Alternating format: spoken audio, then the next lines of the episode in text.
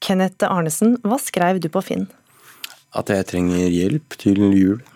Hvordan var responsen? Den var stor.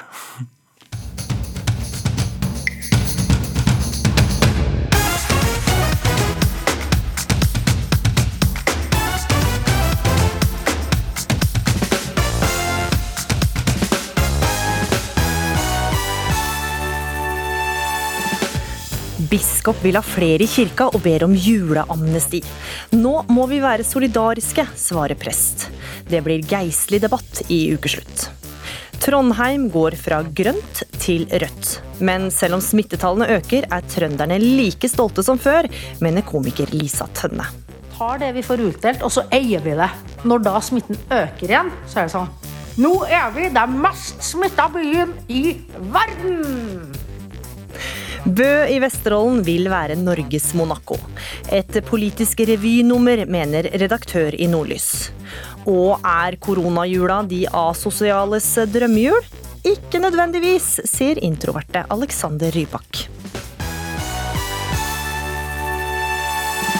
Ja, velkommen til ukeslutt, der vi har dekka på til juleselskap. Den røde kjolen er på, og de neste to timene skal vi på digitalt julebord.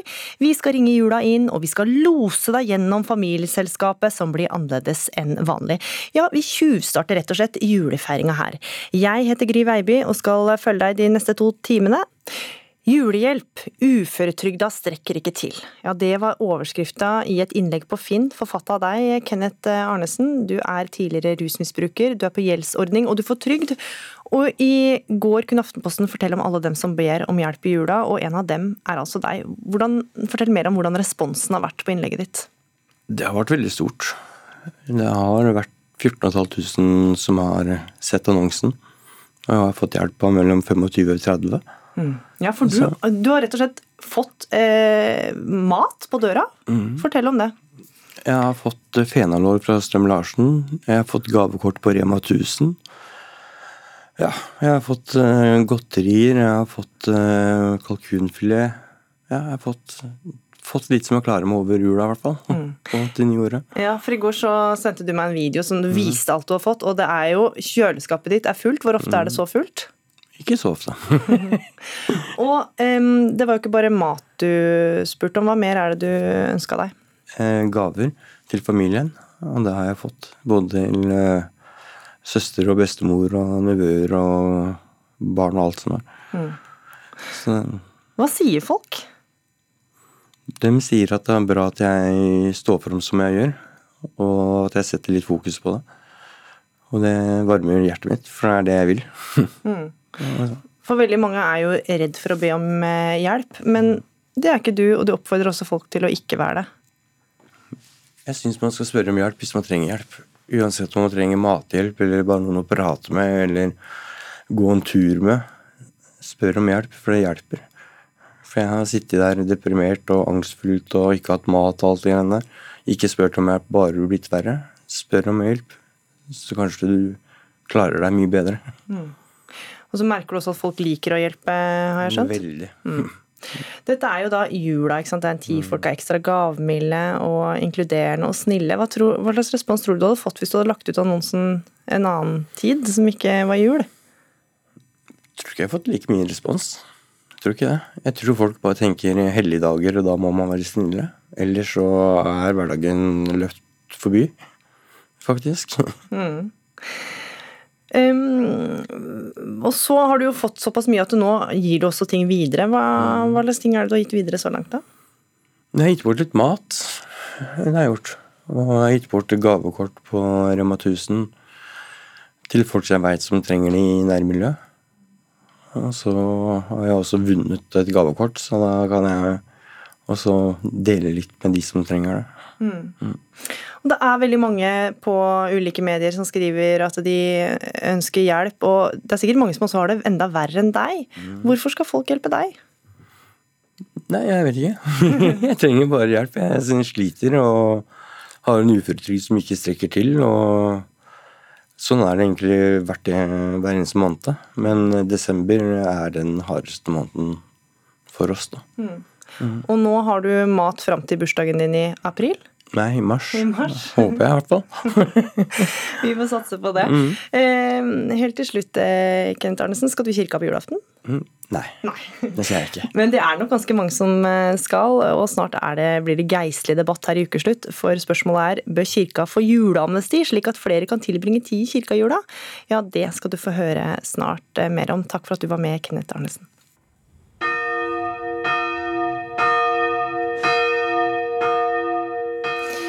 Jula ringes inn, og vi samles her. Spre dere i kirkerommet, dynk dere med antibac, vi må ha god avstand, og det er begrensa med plass. 50 personer for å være mer nøyaktig, eller 20 om du er i hovedstaden.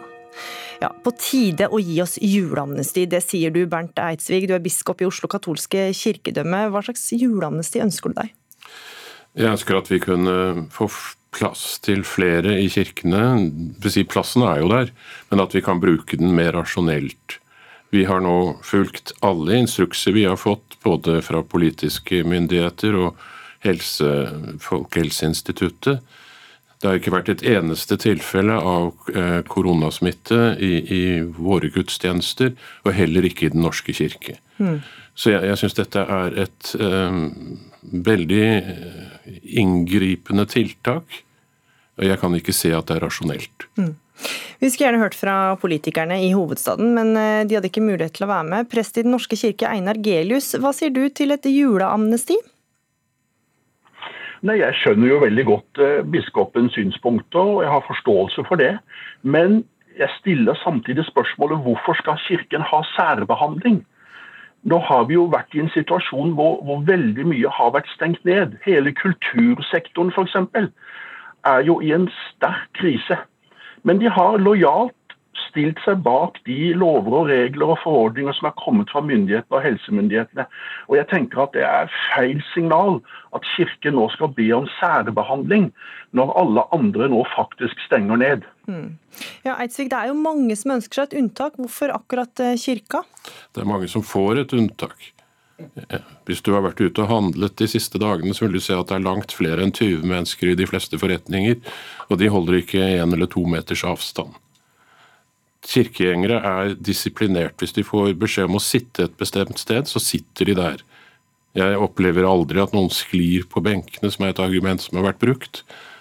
Eh, hvis vi overholder alle avstandsbestemmelser og antibac og masker og hva det er for noe alt sammen, ser jeg ikke det rasjonelle ved, ved denne begrensningen. Mm.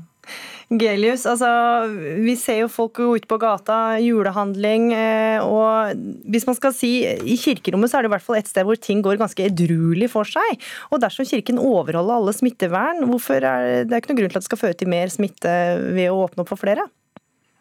Ja, men jeg tenker dette handler om noe veldig viktig. Det handler om å vise solidaritet med alle de andre i samfunnet vårt som nå har stengt ned. Eh, altså, I kommunen hvor jeg bor nå, så har skolene stengt ned før jul. Kultursektoren har, har måttet avlyse mange av sine arrangementer nå før jul. Eh, ikke minst innenfor reiseliv, næring, altså hotell og restauranter. Det er jo mange. Og da tenker jeg, da må Kirken vise solidaritet med alle de som nå har det veldig vanskelig. Og Jeg mener det er, det er, jeg synes det er litt spesielt at man ber om en særbehandling når vi egentlig blir krevd å vise solidaritet med de som nå har stengt ned. Og jeg tenker at Kirka overlever jo. Det har, det har vært diskutert nå om at dette er liksom folkekirkas fall, nesten at vi ikke får arrangert gudstjeneste i jula. Det er jo bare tull. Folkekirka overleve også denne jula, selv om vi ikke får arrangert alle de gudstjenester vi gjerne skulle ønske. Og så er det en viktig ting til. Eh, det er jo faktisk de største smitteutbruddene som har skjedd. Det har jo nettopp vært i religiøse sammenhenger. Selv om det nødvendigvis ikke har skjedd akkurat i våre sammenhenger, så har det faktisk skjedd i religiøse sammenhenger. Både muslimske menigheter og kristne menigheter. Så, så vi må være obs på at nettopp ansamling av store menneskemengder øker smitterisikoen. Nå er ikke 50 mennesker store menneskemengder. Jeg, jeg syns jo også at et prinsipp om solidaritet kan nyanseres, og det syns jeg ikke du gjør akkurat nå. Men eh, jeg vil jo si at vi var godt hjulpet om vi kunne ha 50. Som et alternativ nå må vi for, eh, forberede messe ute i skolegården ved Sankta Sunniva skole. Vi må være lov til å ha 200 De kan jo ikke sitte stille. De beveger seg, jeg, jeg og de vil fryse. Jeg, jeg, kan ikke se at det er noe bedre helseforebyggende tiltak enn at vi kan ha 50 inne i St. Olav kirke, hvor folk sitter på sin plass. Mm. For den observante lytter så hørte de kanskje et, eh, et lite samtykkende ja her tidligere, og det var fra deg, Anne Marie Ottersen. Ja. Fordi du føler nok, som mange nå, også som, eh, som eh, Eidsvig her, at du er lei, nå er vi midt i en pandemi. Snart kommer det vaksine. Hvorfor kan du ikke bare holde ut litt til? Det har ikke noe med å holde ut å gjøre, fordi at jeg er veldig enig med Eidsvåg her. For det har ikke noe med holdut å gjøre, det har ikke noe med solidaritet å gjøre. Det har rett og slett med fornuft å gjøre. Hva er fornuftig å gjøre, hva er ikke fornuftig å gjøre?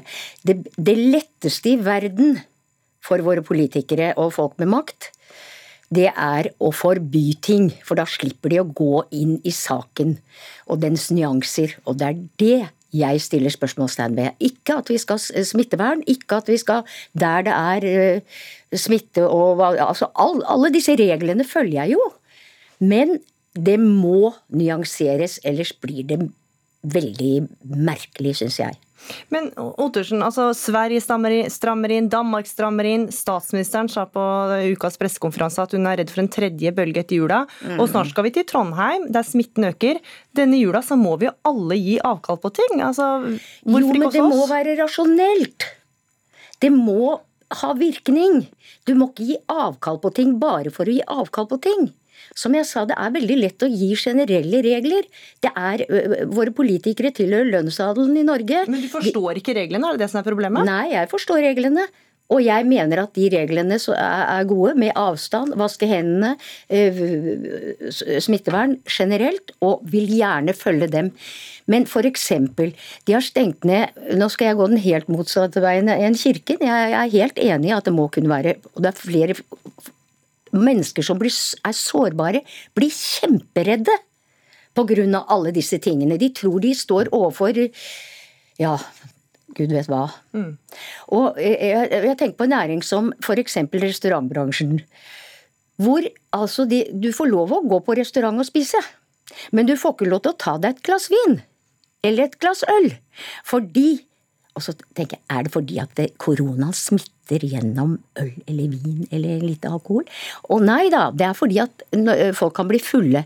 Ja, men dette har jo restauranter og serveringssteder regler for. Det er ikke lov å servere fulle folk til. Og de har vært så flinke til, i hvert fall de stedene jeg har vært, til å holde avstand, vaske. Alle er så flinke at det går over. Mm. Og det må på en eller annen måte og det er faktisk en som het en, eh, Hans Petter Graver og Erling mm. Einar Øvrenge. De har som snakket om Som også stiller spørsmål ved disse reglene. Ja. Men Einar Gelius, hva sier du da? Altså, er det på tide å også vise solidaritet der, eller hva tenker du? Jeg tenker jo at både Anne Marie Ottesen og biskop Eidsvik må jo se rundt seg. De må jo se at smitten eh, senkes jo ikke. Og Hvis man ser de andre nordiske landene, så øker den jo dramatisk. Sånn at, eh, sånn at, selv om vi har vært flinke, vasker hendene, holder avstand, så, så, øker jo smitterisikoen.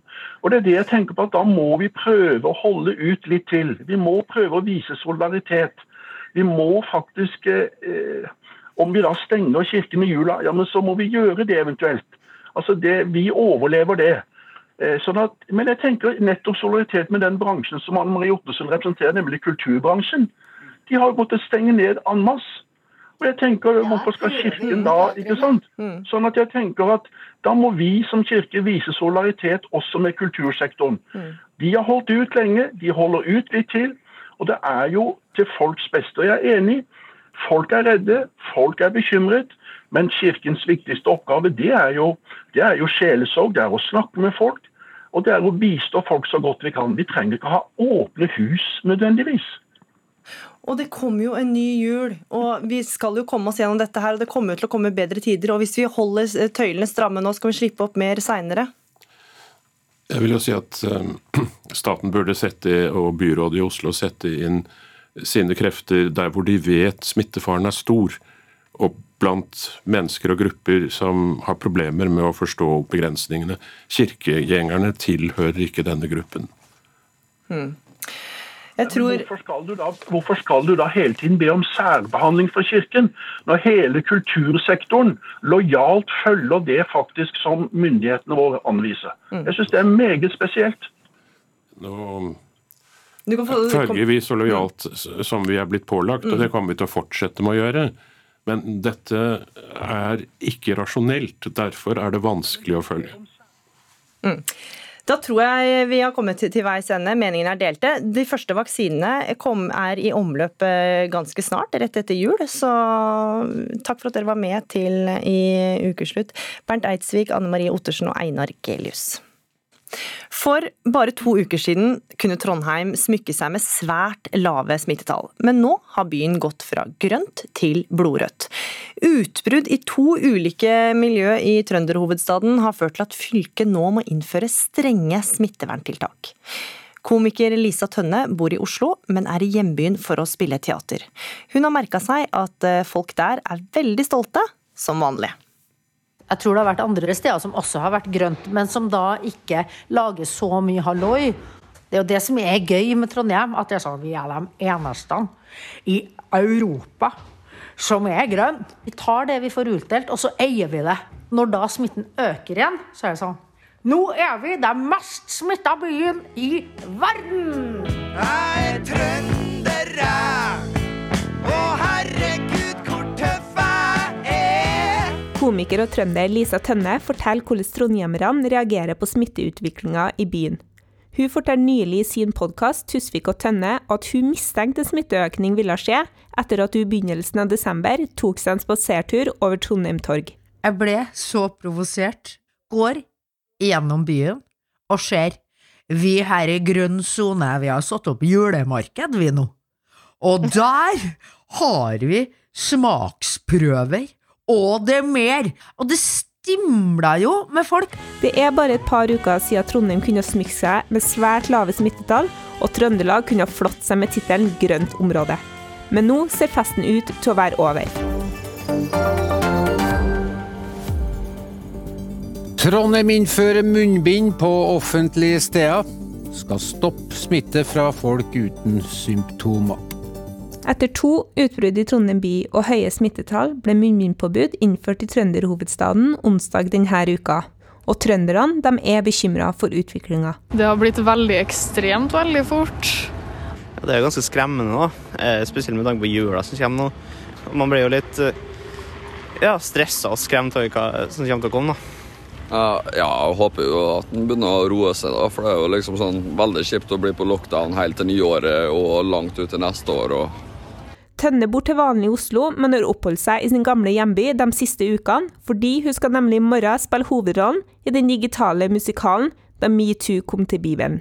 Sjøl har hun nærmest isolert seg fra omverdenen, og nå krysser hun bare fingrene for at produksjonen unngår koronasmitte. Vi er jo super, super forsiktige nå, for hvis én blir syk her nå, så legges jo hele forestillinga ned. Og den skal jo spilles kun én gang. Men komikeren synes ikke det er uforståelig at trøndere i det siste har senka skuldrene litt med tanke på smittevern. Når man på en måte får høre at nå er det lite smitte, nå kan man senke garden litt, så er det naturlig at man òg gjør det. da. Og Det var jo ikke sånn at, liksom, at alle trøndere tok Instagram-bilder, at de satt og klina med hverandre. Så det er jo ikke bare i Trondheim at folk har sklidd ut litt på eh, smittevern. Da smittetallene var på sitt laveste for to uker siden fra ordfører i Trondheim Rita Ottervik til helseminister Bent Høie om å få innføre egne lokale smitteverntiltak. Nå lever vi jo under at Oslo har hatt eh, høye smittetall, særlig kultur og servering i restaurantbransjen. Så jeg håper jo at det blir lettelser på det.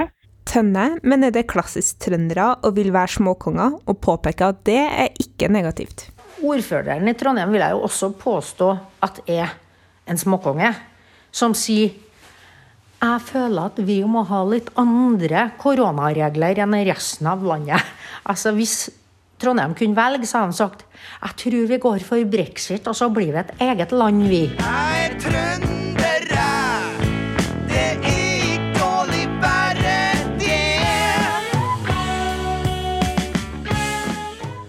Ottervik avkrefter at det var småkongesyndromet som slo inn, men heller et ønske om at kommunene skal få mer frihet til å gjennomføre de tiltakene de mener passer best. Eh, Det var et utspill på vegne av alle storbyene hvor vi ønsker å bestemme mer sjøl lokalt. Både med å gjøre strengere regler når vi trenger det, eh, og ha mindre strenge regler når det er åpning eh, for det. Hun mener det ikke er feil å arrangere julemarked i byen. Det er et utendørs eh, marked med veldig god avstand mellom hver enkelt eh, utsalg. eh, Og det er gode smitteverntiltak. Og når vi i tillegg nå på, påbyr munnbindbruk, så mener vi at det skal være trygt. Og ja, munnbind er trondhjemmere gode på. Nina, som jobber som apoteker ved Boots apotek i Nordre gate, forteller at det nå handles munnbind over en lav sko. Nå så er det sånn at vi selger nesten ikke noe annet enn munnbind ute i selvvalget. Jeg tror folk egentlig var ganske forberedt på at det kom til å komme påbud. Så det har vært eh, jevn strøm egentlig siden forrige uke. Ordføreren i Trondheim har tro på at byen skal få kontroll på smitteutbruddene. Så har både befolkninga vært veldig flink til å følge smittevernregler og råd som er gitt av kommunen, og vi har veldig dyktige folk innenfor helse som håndterer dette på en god måte. Likevel frykter Ottervik det som venter etter jul. Når det kommer tilbake studenter og arbeidskraft, ikke minst fra utlandet, og kommer hit, hvis vi ikke får noe tøffere regler som sørger for testing på grensa. Komiker Lisa Tønne har fått opplevd Trondheim som både grønt og rødt den siste tida. Hun er overbevist om at trønderne skal klare å gjøre Trondheim grønt igjen. Når det er så alvorlig som det covid er, da, så syns jeg jo det virker som trønderen bare skjerper seg. Altså, Da sier trønderen ja vel, da må det noe tiltak til her. For det er jo så fint med småkongetrønderen, blir jo ikke så sur. Da sier han vel, vel, da får vi forholde oss til hva som er situasjonen, og så må vi fikse opp i det. Jeg syns absolutt at trønderen skal med stolthet si vi var kjempegode, og så gode skal vi bli igjen nå, så vi får ned smittetallene igjen. Og reporter her var Runa Leinan. Tenk deg at du er sammen med kompisen din på idrettsbanen. Han forteller at han føler seg uvel, han legger seg ned, og du skjønner at noe er veldig galt. Hva gjør du da? Tenk deg at du i tillegg bare er 14 år, og hjertet til vennen din har slutta å slå. Vi skal tilbake til april i år. Norge er stengt ned, det er hjemmeskole og hjemmegym for vennene Mikael, Vetle, Jenny og Luna. Mikael Andres Briskelid Martinez, hva husker du fra denne dagen? Det eneste jeg husker, var at jeg skulle støvsuge før jeg skulle på Nesjar, eller å løpe, da. Og så husker jeg ikke noe mer av den dagen.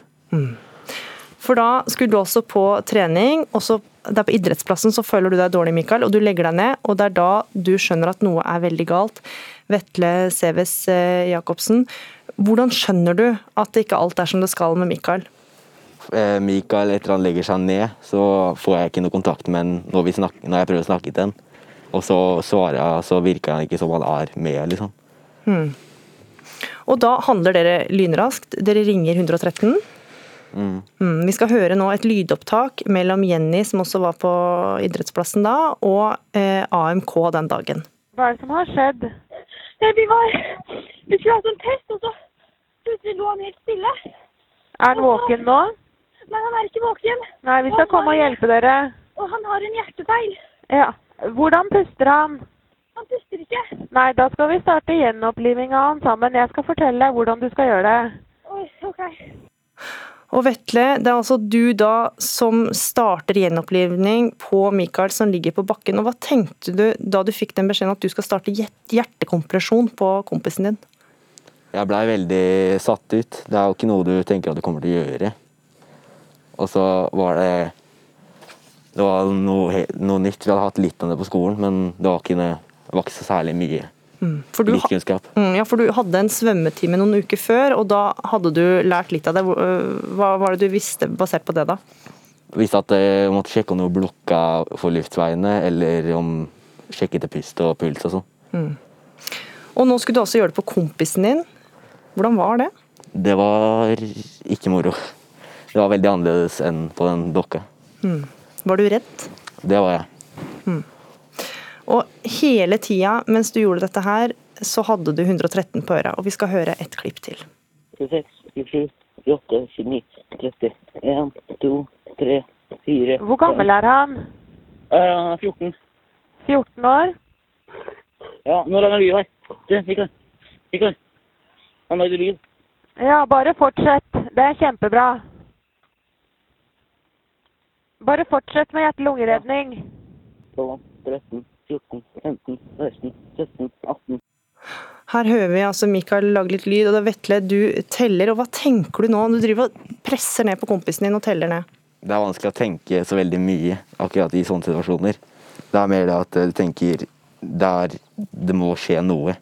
Kan ikke gjøre det her forgjeves. Det er for Mikael, liksom. Hmm. Og så tok det litt tid før det kom noen voksne til. Hvordan var det? Det var jo veldig vanskelig å bare vente, liksom holde på uten å ha noe rundt deg. Hvordan, var, eh, hvordan så Mikael ut da? Mikael var mye blekere i ansiktet, og han hadde så ut som øynene hadde rullet bakover i hodet. Hmm. Og etter noen minutter så kommer det flere voksne til. Dere hadde også da fått varsla mammaen til Mikael. Det kommer ambulansehelikoptre. De tar med seg Mikael til sykehuset. Eh, hvordan hadde du det da, Vetle? Det var veldig vanskelig, fordi da satt du liksom bare og venta på at du får beskjed om at det går bra. At Mikael har det fint. Hva, hva tenkte du da, når ambulansehelikopteret tok med seg Mikael? Tenkte jeg bare at nå er han hos de beste han kan være hos, så det er ikke noe mer jeg kan gjøre. Mm. Bare håpe. Mm. Men så gikk det jo litt tid før du hørte fra han. Hvordan var det i de dagene etterpå? Det var veldig vanskelig. Det var tungt å ikke kunne vite Jeg visste veldig lite. Mamma til Mikael hadde vært litt oppdatert, men det var mye mindre det jeg ville at du skulle. Mm. Og Mikael, du husker altså lite eller ingenting fra den dagen, bare at du støvsugde, som du fortalte, og var på vei til idrettsplassen. Og så våkner du på sykehuset. Hvordan var det? Eh, Det var veldig rart, fordi jeg skjønner jo ikke helt først hvorfor jeg var der. Jeg trodde først jeg hadde brekt beinet eller noe sånt, og så trodde jeg at jeg hadde kreft eller noe sånt. Men så får jeg vite at det, det er kompisen, eller liksom vennene mine som har redda meg, og jeg har hatt hjertestans, som er en veldig stor ting, da. Og da eh, vet man ikke helt hvordan man skal reagere og tenke helt i starten. da. Mm. Hvordan var det å få den beskjeden om at du hadde hatt hjertestans? Det var litt skummelt og øh, litt uvirkelig å tenke på at de faktisk de klarte å redde meg, da. Mm. Og kort tid etter at du våkna, så ringte du til Vetle. Hva snakka dere om da? Det var egentlig ikke så veldig mye vi sa. Det var bare at jeg heier og alt det der, da. Og så ble det egentlig bare veldig stille, da. Mm. Og Vetle, du hadde jo da flere dager eh, ikke visst hvordan det gikk med kompisen din. Hvordan var det å få den telefonen fra Mikael? Det var veldig deilig å kunne vite at han fortsatt er helt fin. At han ikke har skjedd noe mer med han enn at han bare kanskje har litt gærent. Kanskje operere inn den hjertestarteren, eller så kan det hjelpe han istedenfor at det har skjedd noe som er veldig gærent. Mm. Husker du noe mer om hva dere snakka om? Eh, nei, jeg husker veldig lite Mm. fra den samtalen. Men Husker du den følelsen da den telefonen ringte og du skjønte at det var Mikael som ringte? Da var jeg veldig letta. Det var en veldig god følelse. Mm. Mikael, hvordan endrer livet seg etter en så dramatisk handling? Eh, Jeg må jo være mye mer forsiktig, for jeg, drev, jeg driver jo fortsatt med fotball, men jeg måtte øh, gå i mål og liksom løpe mye mindre, da. Så jeg kan ikke Eller jeg må passe mye mer på pulsen min og hvordan øh, jeg liksom beveger meg innafor fotballen og alt det der, da. Og gym. Mm. Og i dag så lever du med pacemaker. Eh, nei, ICD. Mm. Og Hva tenker du da om det Vetle, Jenny og Luna gjorde for deg den dagen? Jeg tenker det er helt fantastisk alt det de klarte, og hvordan de gjorde det. da. Og at de klarte å tenke, og at de måtte ringe 113, og at eh, Vetle starta med hjertekompresjoner, og de fikk henta hjertestarter, og at det, de gjorde at jeg sitter her i dag. da. Mm. Og Denne uka så fikk dere heder og ære for hvordan dere takla denne dagen. Dere fikk Hjerteheltprisen 2020. Hvordan var det? Mm, For meg så var det veldig fint at de fikk den prisen, og eh, liksom at eh, det var eh, Jeg er veldig takknemlig for det de har gjort, men at de får en liksom større anerkjennelse over noe så stort som de har gjort. da. Mm. Og Vetle, hvordan var det å få den prisen for deg, da? Det var hyggelig at noen gadd å bry seg. Sånn at eh, det er ikke bare noe de skal sitte inne med, det er noe andre kan vite om, og at dere har gjort noe stort, liksom. Mm. Og så, helt til slutt, hva, hva kan folk lære av denne, det som skjedde? Mange kan lære at eh, det er bedre å prøve å gjøre litt enn å ikke gjøre noen ting. Mikael Martinez og Vetle Seves Jacobsen, takk for at dere var med i Ukeslutt. Det er mange som vil avtjene verneplikten sin i dag, og noen mer enn andre, som vi har sett i førstegangstjenesten. Mot, disiplin og respekt. Respekt. Det er kanskje mange som tror at de skal i krig med en gang. Det er på ingen måte det det norske forsvaret handler om. Ja, Da er det feil det jeg har lest om militæret, for å si sånn. For jeg klør relativt greit i fingrene etter å begynne å plukke 20 for 150 meter med Mauser. Så spørsmålet mitt er egentlig bare når er det vi kan begynne å drepe? Ja, Der hørte du Are Ketil fra førstegangstjenesten her på NRK, som ville være i eh, militæret, men for noen er det omvendt. Og i VG denne uka kunne vi lese om deg, Sonja Hovik Brendås. Du går på danselinja på Jessheim eh, videregående, og pga. korona var du ikke på sesjon, altså Forsvarets opptaksprøve, men du ble likevel tildelt en plass i Hæren. Hvorfor er det så galt for deg å ta et år i militæret? Helt siden jeg har vært tre år gammel, har jeg danset i gjennomsnitt fem til syv timer hver eneste dag for å komme dit jeg er den dag i dag. Ehm, jeg har alltid siden jeg var liten visst at dans er det jeg vil gjøre og ønsker å satse på. Og ehm, når jeg da blir tatt inn til ett år i førstegangstjenesten, så vil det på en måte ha veldig mange konsekvenser for meg ved at ett år borte vil si at Når jeg kommer da tilbake fra førstegangstjeneste, må jeg bruke minimum to år for å komme tilbake styrkemessig, teknikkmessig, slik som jeg er nå, og for å kunne da ha sjans mot andre på min alder. Mm.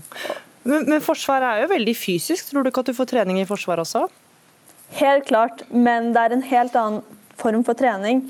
Eh, vi som danser, vi har daglige teknikklasser i ulike stiler for å bli sterke på riktige plasser. Og vi har en helt annen eh, form for kjernemuskulatur som vi har fokus på, framfor da de største, vanligste muskelgruppene. Så hvis jeg ikke da får den treningen jeg er vant til å ha gjennom årene, så hjelper det ikke at jeg blir sterk på andre måter. Mm. Hvordan reagerte du da du skjønte at du hadde blitt tildelt en plass? Jeg begynte å gråte, siden det jeg fikk på telefon var du skal dit og dit da og da. Og Fikk beskjed dette var kanskje ikke planen din, men du må egentlig bare gjøre det beste ut av det. Man kan mm. ikke få alt man vil her i livet. Men så har vi hørt om militærnektere før som nekta. Hvorfor gjorde du, sa du ikke bare nei? Det er på en måte ikke noe som heter nei. Du er på en måte plikta Sånn som vi som elever har fått det lagt fram, så er jo vi plikta til å svare riktig og oppgi rett informasjon. Noe jeg har gjort gjennom hele veien for å være moralsk riktig. Og det er I egenerklæringen er det ingen plass du har mulighet til å skrive 'jeg vil ikke'. Det eneste du kan stemme på, er motivasjon. Hvor jeg da gjentatte ganger skrev 'dette stemmer ikke i det hele tatt at jeg har motivasjon for tjeneste i Forsvaret'. Per Thomas Bø, du er talsmann for Forsvaret. Hva tenker du når du hører eh, Sonja Hovik Brendås historie her? Jeg tenker jeg har eh, full forståelse for, for, frustrasjonen som oppleves når man har lagt en så eh, snorrett og ryddig plan som, som hun har her, helt fra hun var helt liten. Eh, da oppleves dette selvfølgelig som en, et stor inngrepen i den planen du ser foran deg eh, når, når Forsvaret kommer inn og sier at vi, vi ønsker at du tjenestegjør eh, hos oss. Full forståelse for det. Mm, men da VG snakka med deg i forbindelse med denne saken, så understreka du ordet plikt. I aller høyeste grad. Verneplikt består av to år, og jeg tror Forsvaret har vært for lite flink til å fokusere på den siste delen av året som, som er plikt. Stortinget har bestemt at vi har eh, verneplikt i Norge, og fra 2015 så har det gjeldt eh, begge, begge, kjønn. Og Vi var veldig glad for at det var på høy tid at Forsvaret også ble likestilt for eh, bare fem år siden. Men hvorfor vil dere ha en soldat som har null motivasjon og virkelig ikke ønsker å være i Forsvaret? Vi kan heller, Jeg ønsker å bare snu spørsmålet litt. for det at eh, Motivasjon er en så flyktig egenskap at hvis vi skulle selektert på motivasjon alene, vi som planlegger to år frem i tid fra de får egenerklæring til de skal stå på bakken, ville det vært helt umulig for oss å planlegge med. Eh, det er en veldig som sagt, flyktig og en veldig sånn ferskvare. Eh, det vet vi sjøl, vi voksne mennesker også, at det, det, forandrer seg fra dag til dag eh, hvor motivert vi er for ulike ting. Men så er det veldig mange som vil. Kan dere ikke erstatte da Sonja Hovik Brendås med en av de dere har avvist, som kanskje har mer motivasjon? Vi ser på hele kandidaten. Vi ser på historien. Her snakker vi om en som er vant til å trene, her snakker vi en som eh, også fungerer godt på skolen og sosialt. Eh, Og eh, det er en typisk soldat som, som vi ønsker i Forsvaret. For vi vil at Forsvaret skal være befolkningen.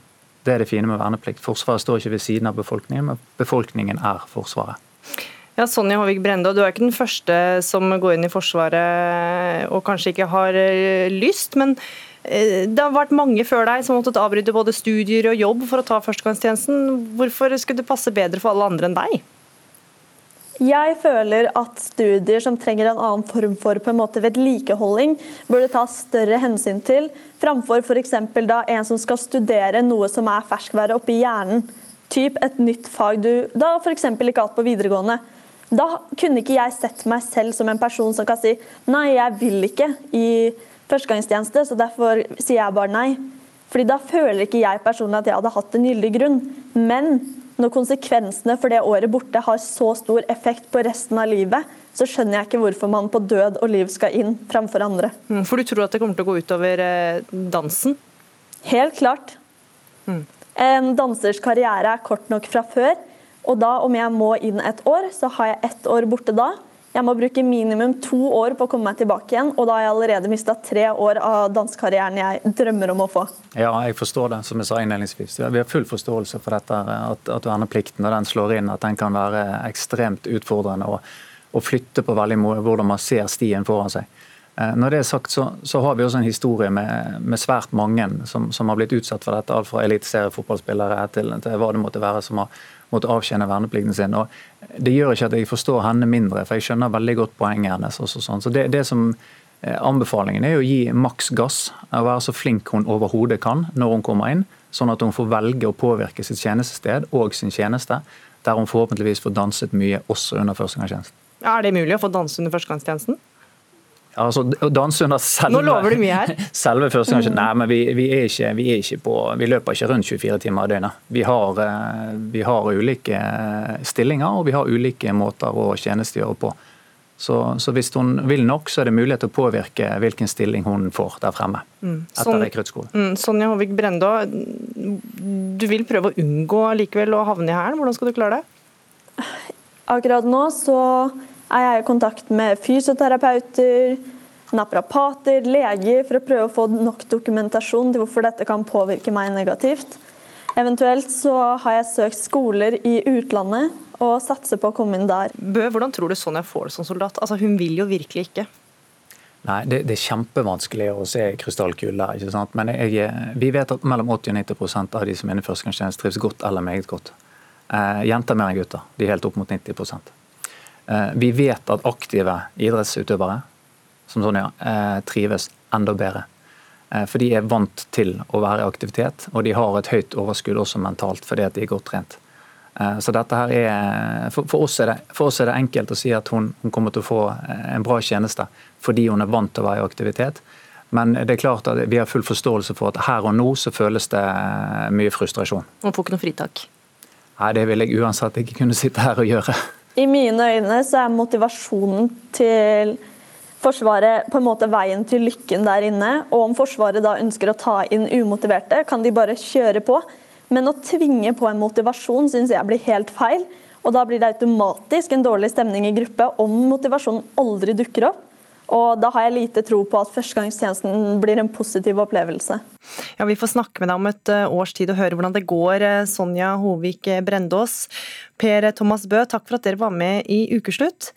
Tidligere år så har vi hørt om utroskap, vi har hørt folk som slåss med sjefen, ja, vi har hørt at julebordet rett og slett blir så pinlig at du vegrer deg for å møte på jobb påfølgende mandag. Årets sosiale julesamling eh, imidlertid har gått rimelig pent og pyntelig for seg. Vi egentlig gjøre det her? Skal vi liksom bare sitte og gafle i oss og spise på hver vår kant? Og Eh, Vi har et program som jeg og Niklas og Johanna hadde tenkt å samsnakke oss om nå, før dere kom. Nå er jo dere allerede kommet. Det kan hoppe ut igjen, men det er greit. Jeg bare lurte litt på det samme som Stine, hva som egentlig skjer. Jeg bestiller mat nå. Johanna er ute og henter mat og er selvfølgelig forsinka. Og Niklas har allerede bestilt mat. min mat har kommet. Ja, det er virkelig nye tider, og det har vært et år i Zoom, Skype og smarttelefonens navn. Derfor var det nok mange som fikk seg en vekker da de leste historien om eh, Hans Olav Lahlum, historiker og SV-politiker, og hans billettklemme. For Hans Olav Lahlum, du har altså ikke smarttelefon. Fortell, hva var det som skjedde? Nei, Det skjedde det at jeg skulle på en teaterforestilling på Hamar. Siden jeg bor eh, på Gjøvik, så eh, måtte jeg da, og siden jeg av hensyn til trafikksikkerheten og eh, ulike andre faktorer har valgt, og miljøet, jeg har valgt ikke å ta førerkort, så måtte jeg da reise kollektivt. Og da jeg var på bussen, så var det jo innført nye restriksjoner, og man kunne ikke kommunisere med bussjåføren. Og da var det rett og slett ikke mulig for meg å få kjøpt billett på noen måte. Jeg hadde med penger og betalingskort og reisekort, men det var ikke mulig å bruke noen av delene. Og i og med at jeg da ikke hadde på meg en smarttelefon, så befant jeg meg i den litt ubehagelige situasjonen at jeg satt på en buss uten å ha billett og uten mulighet til å få kjøpt det. Men hva gjorde du da? Nei, jeg gikk vel på Jeg hadde jo med en PC med mobilt bredbånd. altså Jeg prøvde der om det var mulig å kjøpe noe billett på nett og sånn. Det var ikke så lett, det heller. Så eh, det endte opp med at jeg jo da bare håpet at det ikke var en kontroll. Og eh, det var det jo heller ikke. Og jeg har jo forstått at man er snille med kontrollene under eh, disse forholdene, men det var likevel en ubehagelig situasjon. Så sendte jeg e-post til transportselskapet og spurte om jeg i ettertid kunne få kjøpt en billett på nettet uten app. Det var svaret at jeg ikke kunne. Jeg måtte bruke svarttelefonen min, som jeg da fortsatt ikke hadde. Og så sendte jeg e-post og spurte om jeg kunne få et kontonummer, slik at jeg kunne sette inn penger for uh, disse reisene. Det ble jo da et par reiser ut av det uh, på konto til dem, og de svarte at de hadde ikke noe konto som kunne brukes til det. Nå har jeg klart å få betalt, for jeg har klart å, de har noen veldig få kontorer som er åpne på dagtid uh, i fylket jeg bor i, så jeg har oppsøkt et av kontorene og fått betalt. Du måtte virkelig gå, gå jeg, ekstra? Jeg gir meg ikke så lett hvis Nei. det er snakk om å få betalt min rettmessige andel til fellesskapet, men det er klart at det er, altså, det er virkelig ikke synd på meg. Men det er litt illustrerende for hvor digitalisert vi er blitt, og hvordan vi tar for gitt at digital, at digital teknikk som de fleste bruker, er noe alle kan bruke. Og Det er klart at det er jo f.eks.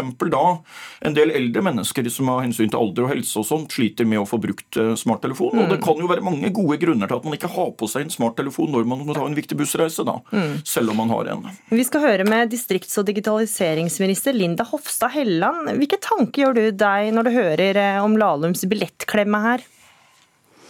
Nei, Jeg kjenner meg veldig godt igjen, for at jeg har vært oppi akkurat det samme sjøl. Når jeg skulle ta bussen og appen ikke fungerte, men så var det heldigvis en eh, veldig snill eh, medpassasjer da, som betalte på sin app, og så vippsa jeg etterpå, når jeg, eh, når jeg fikk mobilen til å fungere igjen. Ja, for du har, skjønner, du har smarttelefon? Jeg har det, og tenker jo at for de aller fleste innbyggerne i Norge så har digitaliseringa vært en stor velsignelse. Det forenkler hverdagen vår hver eneste dag.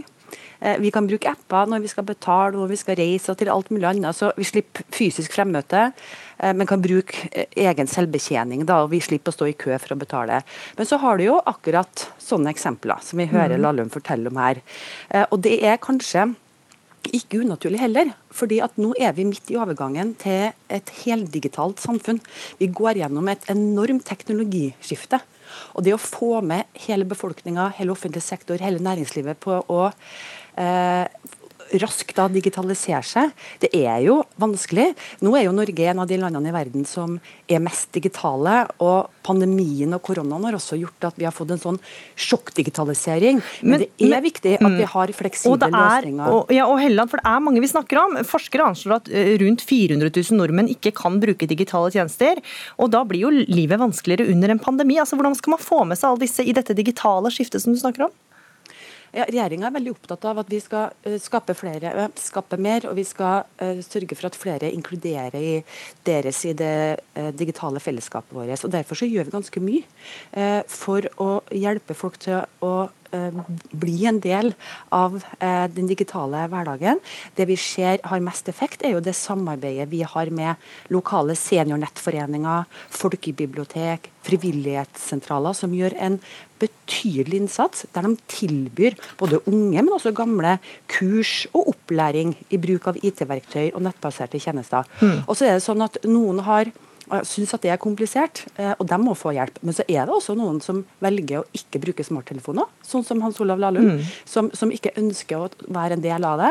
Og klart at Da må vi ha fleksible løsninger, sånn at alle i hvert fall får betalt for seg Mm. eh, og får tilgang til offentlige tjenester på en enkel måte. For Hans Olav Lahlum, det er jo ikke snakk om at du ikke kan eh, bruke digitale tjenester, du har bare rett og slett valgt å ikke ha deg en smarttelefon. Og for alle oss andre som ikke klarer å la være å se på telefonen sin eh, konstant, hvorfor har du valgt å ikke ha det? Jeg har en del betenkeligheter rundt apper og personvern og, eh, og eh, problemstillinger knytta til det. Eh, det. Nå er det ikke sånn at jeg går og tror at informasjon om meg automatisk vil bli misbrukt hvis jeg hadde en smarttelefon. Men det er nok eksempler på hvilket potensial det er for at informasjon kan havne på avveie. og Det syns jeg er verdt å tenke over i den raske digitaliseringen vi gjennomgår. Og så er det i tillegg slik at jeg vil gjerne slippe å ende opp med å bli slave av min egen telefon. Og det, sånn sett så er det også et praktisk valg i eh, hverdagen. Jeg tror jeg ville sitte altfor mye og bare stille på, på skjermen og prøve å knote inn beskjeder som jeg brukte mye tid på. Eh, Så jeg har valgt å gjøre det på en annen måte. Jeg er jo digital mesteparten av arbeidsdagen min og mesteparten av døgnets eh, våkne timer. Jeg har mobilt eh, bredbånd og, og bruker det når jeg er på PC-en. Men noen ganger så går jeg uten PC-en, og, og jeg har en mobil...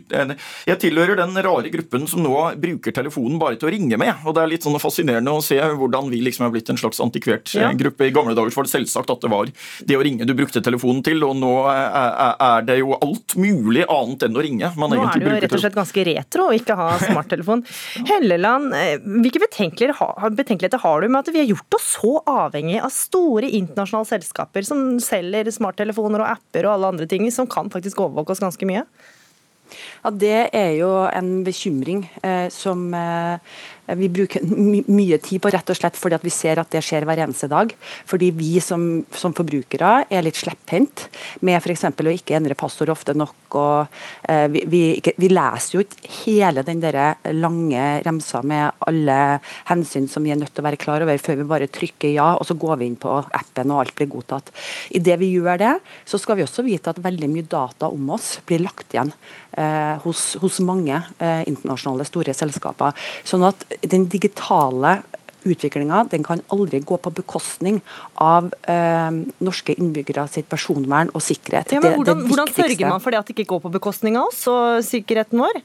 Og personvernet vårt? Eh, Ja, Der har vi myndighetene et stort ansvar. og Der jobber vi hver eneste dag med særlig med EU og internasjonale myndigheter, for at vi må ha et felles eh, regelverk. for Det er jo ikke bare sånn at vi i Norge kan regulere det, f.eks. Facebook og Google. Mm. Og så er vi veldig opptatt av at også vi som forbrukere, våre, våre barn og våre eldre, vi må vite om hvilke eh, hvilke utfordringer da, det kan medføre, og hvilke rett og slett angrep på vår sikkerhet.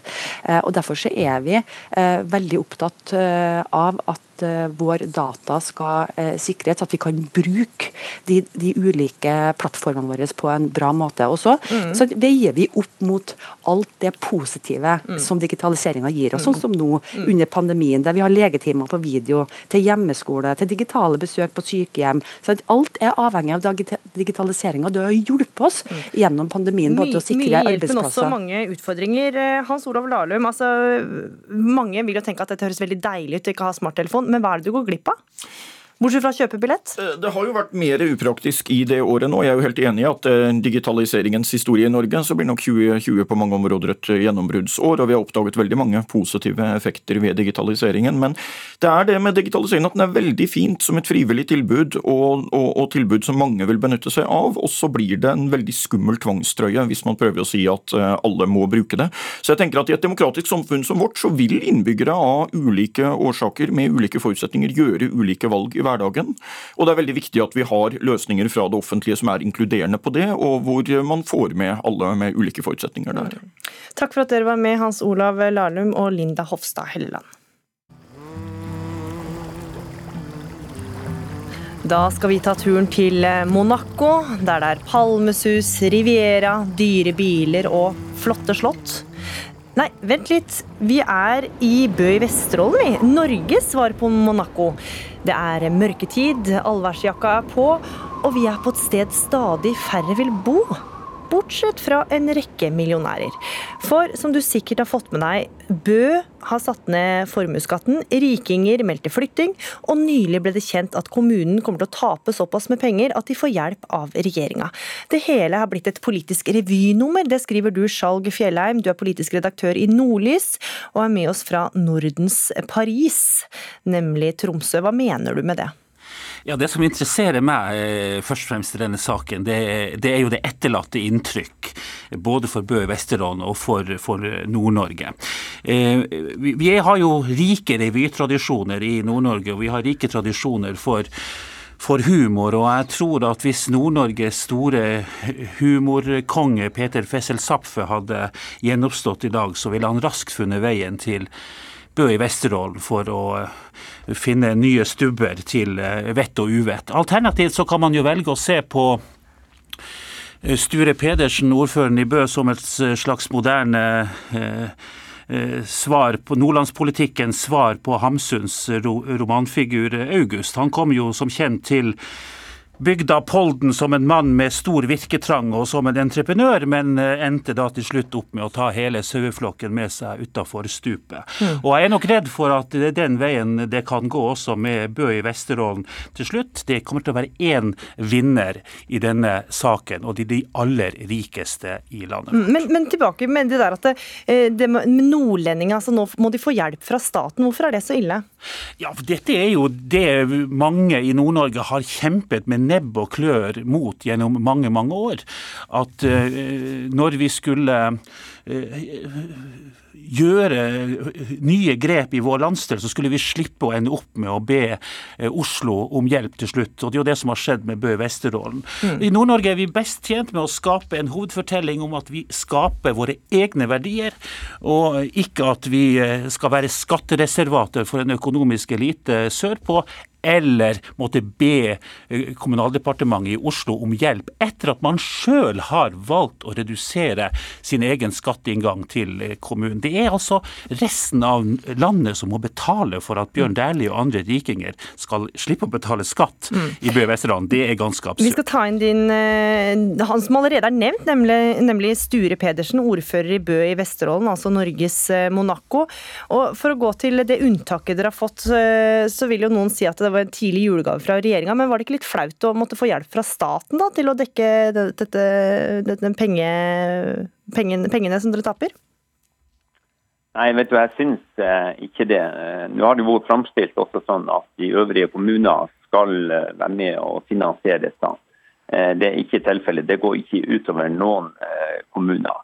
Og så er det sånn at Vi hadde en dialog over et års tid rundt dette. og Det starta med at man fikk en opplysning om at dette ikke ble å eh, koste kommunen noe. Eh, og så er det gjort en del forandringer i det nye inntektssystemet, eller sånn som det er blitt forandra.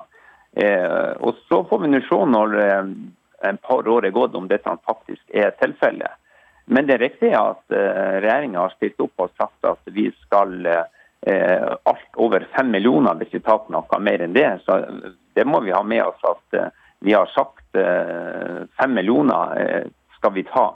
Og regjeringa har sagt over det så skal vi få en, på en måte en, kanskje en overgangsordning. Og kanskje at man skal oppfatte at man skal være en pilot.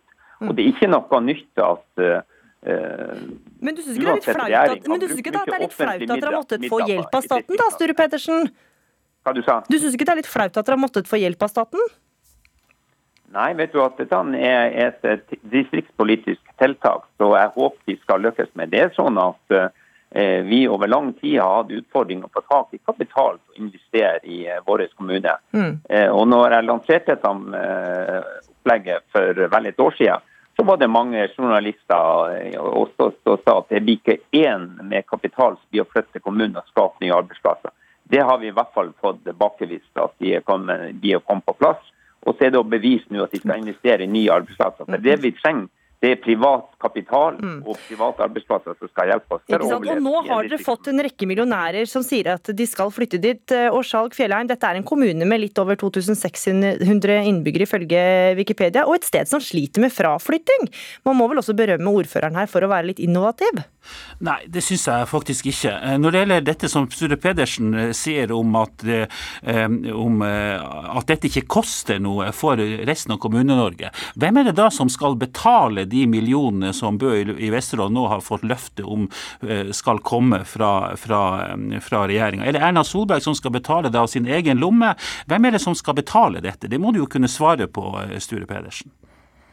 Ja, Den beskjeden vi har fått, det er fra departementet. Det er selvsagt offentlige midler. Men det er ikke noe verre enn Skjalg eh, veldig ofte jobber for bl.a. en togbane til Tromsø som faktisk jeg er for. Men det er faktisk offentlige midler, så brukes det sånne ting. Men jeg er for den jernbanen også. Men jeg skulle gjerne ha sett at vi har bygd veier, offentlige veier. Og her, ja, Vi skal holde oss, ikke, holde oss unna jernbane, Sture Pedersen. Altså, flere kommuner eh, har lyst til å gjøre som dere, nemlig redusere formuesskatten. Men hvis alle kommuner hadde gjort som dere, så ville eh, inntektene fra denne skatten gått ned med 9 milliarder kroner. Hva da med inntektene til fellesskapet? Eh, Min påstand er det at vi blir å skape mye mye mer nytt. Så blir å gi nye skatteinntekter til landet, sånn at vi er helt trygge på at det skal vi klare å motbevise. Så jeg mener at skatten blir å gå opp når vi skaper nye arbeidsplasser og verdiskapning. Så vi er vant med å, å gjøre også i Distrikts-Norge til å bidra i det norske samfunnet. Hvor mange arbeidsplasser er det dere kommer til å skape da i løpet av de neste åra? Vi håper å skape i løpet av eh, to til fem år 150 nye arbeidsplasser. og Da har vi gjort det veldig bra. Men vi håper å skape i hele Distrikts-Norge, at dette kan bli et godt eksempel. Mm, og dette vil eh, da gå utover hele distriktet, som du sier. Altså, men eh, Fjellheim, altså Pedersen hadde jo alle politiske partier med seg, unntatt SV, da, da han fikk gjennom dette her? Ja, Det var et benkeforslag opprinnelig i kommunestyret i Bø, så jeg tror at alle ble tatt eh, på senga når han eh, trakk den kaninen opp av hatten første gangen for, eh, for et år siden. Så jeg tror det kom som en overraskelse på mange. Så Hva dette innebærer, har vel egentlig gått opp for, for både folk i Bø i Vesterålen og andre steder i landet etter hvert. Nei, jeg tror dette er en avledningsmanøver fra Høyre for å unngå fokus på Høyres sentraliseringspolitikk, som er Mm. upopulær over hele landet. Og det er jo veldig rart at vi denne høsten har fått to regjeringsutvalg som kommer med gode anbefalinger om norsk distriktspolitikk. Distriktsnæringsutvalget, Viktor Nordmann-utvalget. Anbefalinger som peker i en helt annen retning enn det Sture Pedersen og Bø holder på med i, i, i, i lokalpolitikken. Mm. Det fins ingen forskning som underbygger Mm. at lavere formuesskatt vil føre til Mm. økt Sture tilflytting til Pedersen, og i dag kommer du med enda flere fordeler. Du vil ha momsfritak for, boligbygging i distriktene, men eh, det er vel ikke akkurat høye boligpriser som gjør at folk ikke vil bo der? Hva vil momsfritak egentlig hjelpe? Eh, Momsfritaket vil hjelpe at man har faktisk en mulighet til å bygge en bolig i Distrikts-Norge. Det bygges ikke i dag. Poenget er at hvis man bygger en bolig i Distrikts-Norge til eh, han kommer på en pluss-minus fire millioner. Når du flytter inn i den, så er han verdt eh, i hvert fall én million, kanskje enda eh, lavere. Det, ikke, det har vært for dårlig verdistigning. Så Det er det som er grunnlaget for dette. skaper at man får en mulighet til å bygge seg et hjem når man får seg en jobb. Så Det er kun det som er intensjonen. At vi skal gjøre det attraktivt for å tiltrekke oss ungdom. For det er ungdom vi trenger i distriktene. Altså som allerede nevnt, så er det flere kommuner som melder seg på, og denne uka så var det dere, Irene Heng Lausnes, det er ordfører i Strand kommune i Rogaland. Og da må altså dere begynne å konkurrere med Bø i å tiltrekke dere rikinger. Hvorfor skal en millionær velge Strand kommune? Kan du få komme med litt reklame her? Ja, eh, det er fordi at vi er en kommune med, som er eh, midt i et tureldorado. Her kan vi jogge til Preikestolen en tur til dagen, og samtidig så har vi kort avstand til Stavanger og, og flyplass. Så de som har lyst til å ha en stor tomtby i naturen og samtidig kort avstand til en flyplass, de kan komme til Strand kommune.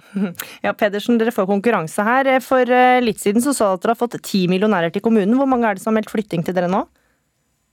Jeg har ikke den fulle oversikt, men eh, jeg tipper at det kan være en pluss-minus eh, 15 stykker. Og konkurranse det syns jeg er helt, eh, helt greit. Vi må klore oss fast i Distrikts-Norge og ikke bære til de sentrale punkter, som f.eks. Tromsø skal dra av gårde med oss. Men jeg heier også på Tromsø. Takk for at dere var med i Ukeslutt. Sture Pedersen, ordfører i Bø i Vesterålen, Irene Heng Lausnes, ordfører i Strand kommune, og Skjalg Fjellheim, politisk redaktør i Nordlys.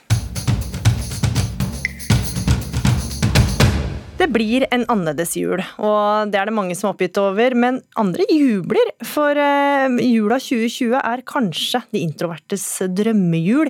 De som syns det er deilig å ikke haste fra det ene store juleselskapet til det andre, som gjerne feirer alene, eller som tenker at det er godt å slippe nok et julebord.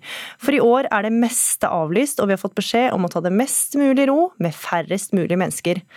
Alexander Rybak, artist. Er dette noe du vil karakterisere som en drømmehjul? Du som eh, har fortalt at du er introvert. Hele tatt. Det, nei, det må jeg si. Altså, jeg, jeg kan ikke Altså på, jeg kan ikke snakke på all, vegne av alle introverte. Jo, kom men, igjen da! Eh, men jeg jubler absolutt ikke for, uh, for, at folk blir Ja, for at folk er nødt til å være for seg selv denne jula her. Det liker jeg ikke. En del med det å være introvert vil jeg si og er Um, å vite at uh, sosiale folk, de, de har hverandre. og, at, uh, og, at, det er balanse i verden. Men når jeg ser Jeg bor på Nesodden nå for tida. Så ser jeg på gata at folk liksom ikke de er, de er ikke helt på topp, da, og da blir jeg nesten Da, da blir jeg nesten Da føler jeg at jeg har en sånn rolle til å trøste dem, og da blir jeg Jeg har nesten blitt litt sånn ekstrovert akkurat denne jula her. Aha, så nettopp, nesten en forandra personlighetstype? Ja, jeg må ha balanse i verden. Men det er vel litt deilig å slippe å eh, løpe fra juleselskap til juleselskap? Jeg vet ikke om du har gjort det tidligere, men bli invitert til mange selskap? Det som er litt deilig med å være voksen, er at man kan velge. Ja. Er du ikke enig, Kristin? Jo, jo, jo. Absolutt. Blogger eh, Kristin Gjelsvik, denne høsten har vi sett deg på parketten i Skal vi danse. Nå nærmer det seg jul. Og på sosiale medier så pynter du, viser du dette pyntete hjemmet ditt. Og du er en ekstrovert person. Hvordan er denne jula for deg? Altså, det er jo litt eh, annerledes jul. Det er litt rar jul i år. Sant? Det er så mange ting som blir avlyst, og ting man ikke kan arrangere. Jentenes julebord, f.eks. Det er jo kan ta det digitalt, da. Ja, det har vi hatt. Vi hadde det i går, faktisk. Det var ikke like mange deltakere i år som eh, tidligere. Det som egentlig er litt snodig, for det ville, ville vært eh, stor mulighet for å få, for å få det til. Men, eh, men, det er noe annet å ha digitalt julebord altså, enn det der å stå, stå på bordet sammen og skåle og klemme. Og, ja. Så jeg mm. savner jo de klemmene, jeg, da. Jeg er jo en mm. klemmer. Mm. Men det der med å løpe fra juleselskap til julelunsj, til juleavslutninger, og slippe det? Hvordan er det? Ja, nei, altså jeg trives også med at det er en viss ro rundt meg òg i julen, for som regel er det kaos og stress. Eh, mm. Så det å kunne gire det litt ekstra mye ned, det syns jeg egentlig er helt innafor. Altså. Mm. Ja. Alexander Rybak, hvordan var en vanlig julefeiring for deg før? Det, blir det veldig annerledes i år? Nei, du vet, eh, vi er bare tre stykker, vi. Det er mamma og pappa og meg. Sånn har det vært helt siden jeg var liten for, eh, for ti år siden, da jeg var syv. Nei da. Men altså, så vi har alltid vært eh, trekløvere. Så, og det får vi jo lov til å være i år òg. Dere er jo da en god kohort, da. Som, ja, da, absolutt. Eh, det er ikke en endring sånn ja, ja, ja. Men det som er trist, da, er at vi får jo ikke en, en del av juletradisjonen er jo at vi spiller på to-tre gudstjenester på Nesodden før, før vi har ribba. Og det får vi ikke i år. Så det er annerledes. Ja. Mm. Hva med deg, Gjelsvik? Hvordan blir jula annerledes for deg? Eh, nei, altså faktisk så blir det ikke så veldig mye annerledes. I år feirer vi med eh, familien til Dennis, min kjære samboer, og de kommer til oss. Eh, så det, og sånn ville det vært uansett, men det er jo heller det at man får jo ikke møtt like mange som man gjerne ville møtt ellers. Og at vi da dropper den turen til Stavanger som vi da kanskje hadde gjort og tatt i mm. romjulen f.eks., men, men vi skal være med nær familie, så sånn sett blir det veldig hyggelig likevel, altså. Mm. Så det skal bli en, bli en, veldig bra jul. Du snakka om digitalt uh, julebord med jentene i går. Hvilke mm. andre nye tradisjoner har dukka opp i løpet av dette året her? Åh, oh, guri malla. Nei, altså det er jo alt som skjer digitalt. Det er jo møt, møtene man kan gjøre over en skjerm, da. Eh, som blir vel, har vel også Kanskje det blir en ny tradisjon i det. Altså, man har jo også merket at man kan jo møtes faktisk over skjermen. At man trenger gjerne ikke å pendle til Trondheim for å dra i, det møtet, f.eks.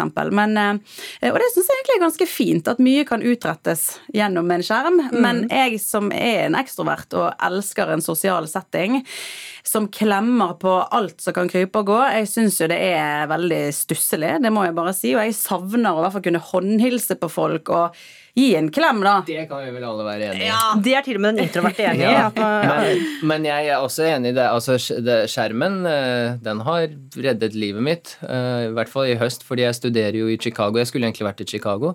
Men eh, de har virkelig tilpasset studiet kjempebra via sånn Zoom og Um, altså det, vi er jo en liten klasse, da, så vi får liksom tilrettelagt veldig individuell oppfølging, og sånn, men uh, det, er, det, er, utrolig deilig. Det hadde mm. jo ikke funka for 20 år siden. Mm. Men hva med deg som artist? da? Hvilke nye endringer har du lagt til deg denne, dette året her?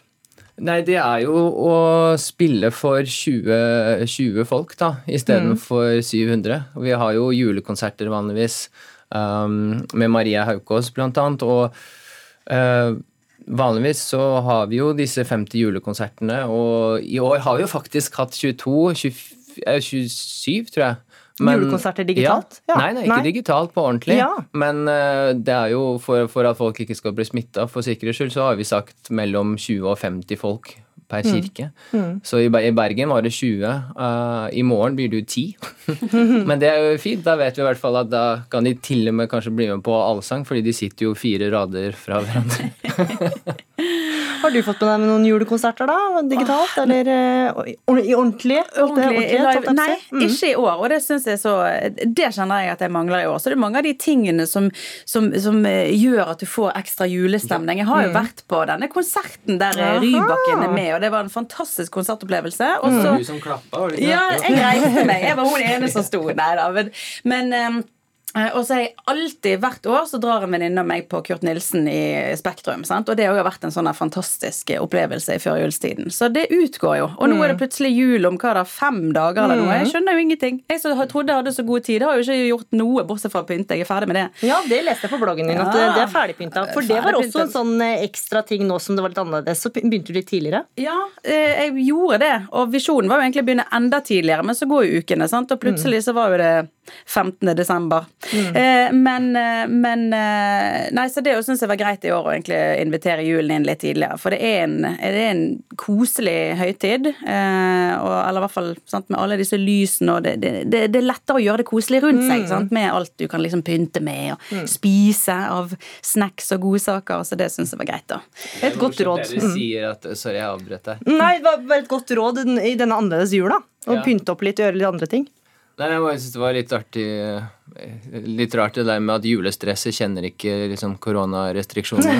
Nei, det har vært mye nettbestillinger av julegaver i år, ja. vil jeg tro. Ja, Mm. Du vil jo unngå å gå ut og, og shoppe midt i. Sant? Det er jo kaos. Og du ser jo allikevel at folk til kjøpesentrene er jo fulle. Eller i hvert fall det står jo masse med biler på parkeringsplasser. Jeg blir litt sånn sjokkert, jeg. Ja.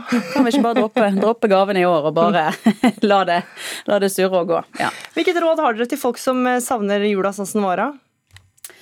Å, herregud. Altså, det blir jo bedre. Mm. Så dette er nok eh, en bump in the road. I år er det annerledes, og det får vi bare finne oss i. Og overholde de restriksjonene som, eh, som, vi har fått anbefalt. Og så får vi jo bare glede oss til neste jul, tenker jeg. Det er vel det beste rådet. Ja.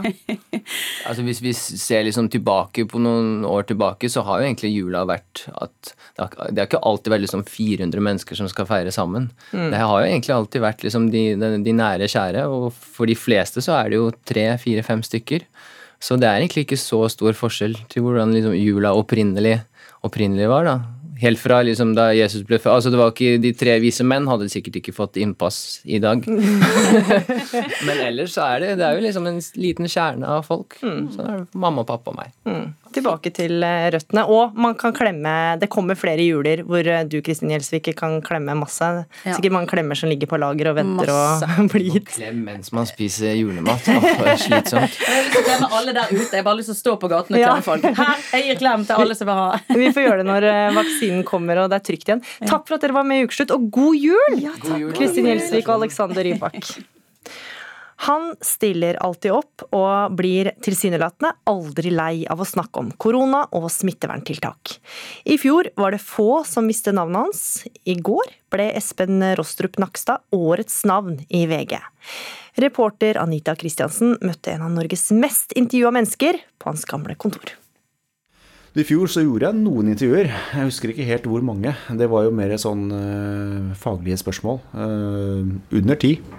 Ehm, og i år så har det blitt veldig mange. Jeg vet faktisk ikke hvor mange. Ja, det har nesten vært noe hver dag, og noen ganger har det vært flere om dagen også, så jeg har faktisk ikke peiling. Jeg møter vinneren av Årets navn 2020 på hans gamle arbeidsplass Ullevål sykehus. Vi tar plass på hans tidligere kontor, der det aldri har vært journalister før. Til tross for å ha blitt superkjendis i løpet av året, må han unnskylde rotet av papirer og mapper som ligger strødd utover pulten og i hyller. I fjor var han en anonym overlege, men om man spør folk på gata om hvem som er assisterende direktør i Helsedirektoratet, vil de fleste svare Espen Nakstad. Ja, Nakstad. Det er Espen Nakstad. Espen Rostrup Nakstad har mildt sagt vært en godt synlig person i år. Og populær. Jeg syns han er en uh, klar og flott uh, fyr. Han har gjort en veldig god hva skal man si, figur under koronapandemien. Folkelig fyr som er lett å skjønne. Det har vært et travelt år for Nakstad. Dagene består ofte av intervjuer med media, gjerne flere om dagen. Det har gjort Nakstad til et kjent fjes for mange. Unnskyld? Det er du som er Espen Nakstad, ikke sant? Noe som har ført til alt fra tomler opp fra folk på gata, til andre typer henvendelser fra fremmede. Jeg har jo blitt bedt om å spille inn sånne videosnutter til uh, ulike bryllup i sommer, husker jeg, med hilsen til brudepar som jeg egentlig ikke kjenner og sånn. Det har kommet en del sånne ting. Uh, men uh, ja, det er mye det kan, være, kan si det er mye rart, men det er ikke mye som har overrasket meg heller. Det har på en måte vært litt sånn forventa, disse tingene. Men det stopper ikke der. Ikke alle kan skryte på seg å ha fått egen sang laget om dem. Det kan Espen Nakstad. Det har blitt laget en eh, sang om deg nå, assisterende helsedirektør Espen Rostrup Nakstad. Kan du nynne litt på den? Du fremstår klok og trygg og rolig, med en nøktern saklighet. Så her er en takk til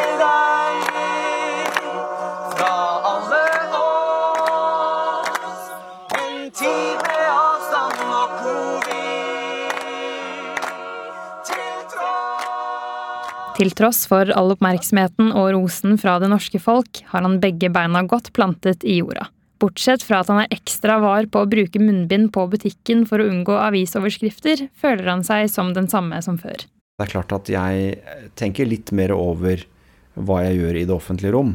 Eh, og jeg kan f.eks. ikke være den eneste i en matbutikk som ikke tar på meg munnbind. Det tror jeg kanskje fort ville havnet eh, på en eller annen avisforside. Så jeg må tenke meg litt om eh, på sånne ting. Men det er ikke bare mannen i gata som setter pris på Espen Nakstad. Statsminister Erna Solberg har følgende hilsen til assisterende direktør i Helsedirektoratet. Kjære Espen, det har vært hyggelig å bli kjent med deg gjennom arbeidet eh, mot koronaen. Eh, du har en flott formidlingsevne, kjempegod kunnskap. Tar til deg og formidler på en utrolig grei måte for alle oss andre. Og så har du jo vist at du har litt humor innimellom òg. Selv om det pågår en pandemi, skal Espen Nakstad ta seg velfortjent julefri. Det blir skiturer, Tre nøtter til Askepott og John Lennons Happy Christmas på anlegget. Nei, mange av disse julefilmene skal jeg innrømme at jeg er litt lei. altså Love Actually og sånn, det er jo ting du ser på hvert år, men man er litt lei, for man har sett det veldig mange ganger før. Men det er alltid noen hyggelige julefilmer å se på, eh, som, eh, som gir god julestemning. Og jeg syns faktisk på julaften også det å se på Eh, hvis man har barn eh, hjemme, da i hvert fall se på 'Tre nøtter til Askepott' og 'Reisen til julestjernen' og sånn. Det er klart det er tradisjon, og det gir en god julestemning også for meg, for da husker jeg hva jeg satt og så på når jeg var barn selv. Hos familien Nakstad møtes norske og svenske juletradisjoner.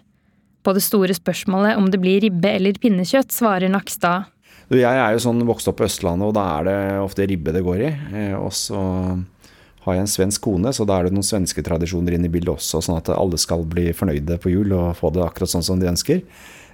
Så det er vel planen i år også, det tror jeg.